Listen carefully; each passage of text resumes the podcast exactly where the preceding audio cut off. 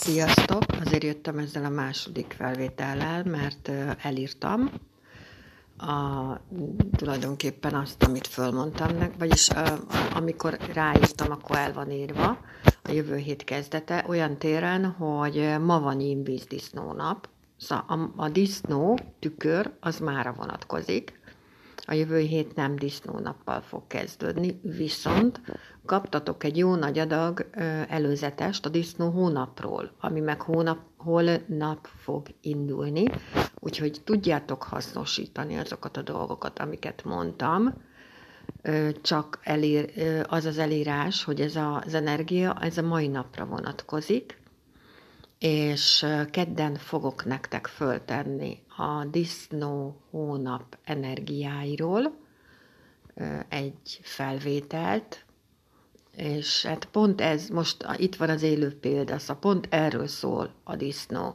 Szóval ez a, a, a kis türelmetlen, a, amikor kitúrja a földből a szarvasgombát, megtalálja, oké, okay, de nem néz körül, hogy maga körül mi van. Szóval, hogy nagyon jól meg kell tervezni a napjainkat, szervezni, elcsúszhatunk időben, felületesek lehetünk, nem, nem figyelünk oda, amit én most csináltam, ezek mind ezek.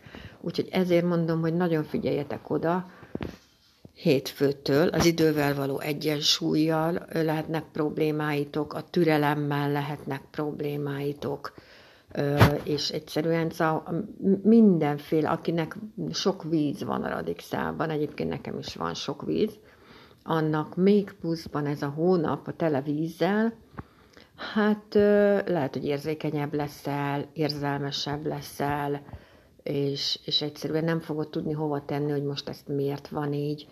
Úgyhogy elnézéseteket kérem. Szóval a disznó hónapra nagyon sok minden információt most megtudtatok, de még többet fogtok megtudni majd jövő héten. És amit mondtam, hogy Jinvíz disznó nappal indul, az ma van. Szóval ma van Jinvíz disznó nap. Úgyhogy ezt az egészet úgy ö, vegyétek. Jó, szóval ma van ezzel dolgunk. Az idővel való egyensúly, a dolgok lezárása, a döntés, és hogy új utak tudnak elindulni, ha megtanulunk dönteni. Úgyhogy bocsánat, jövök majd jövő héten, és akkor sokkal részletesebben le, elmondom nektek a disznó hónapnak az energiáit. Sziasztok!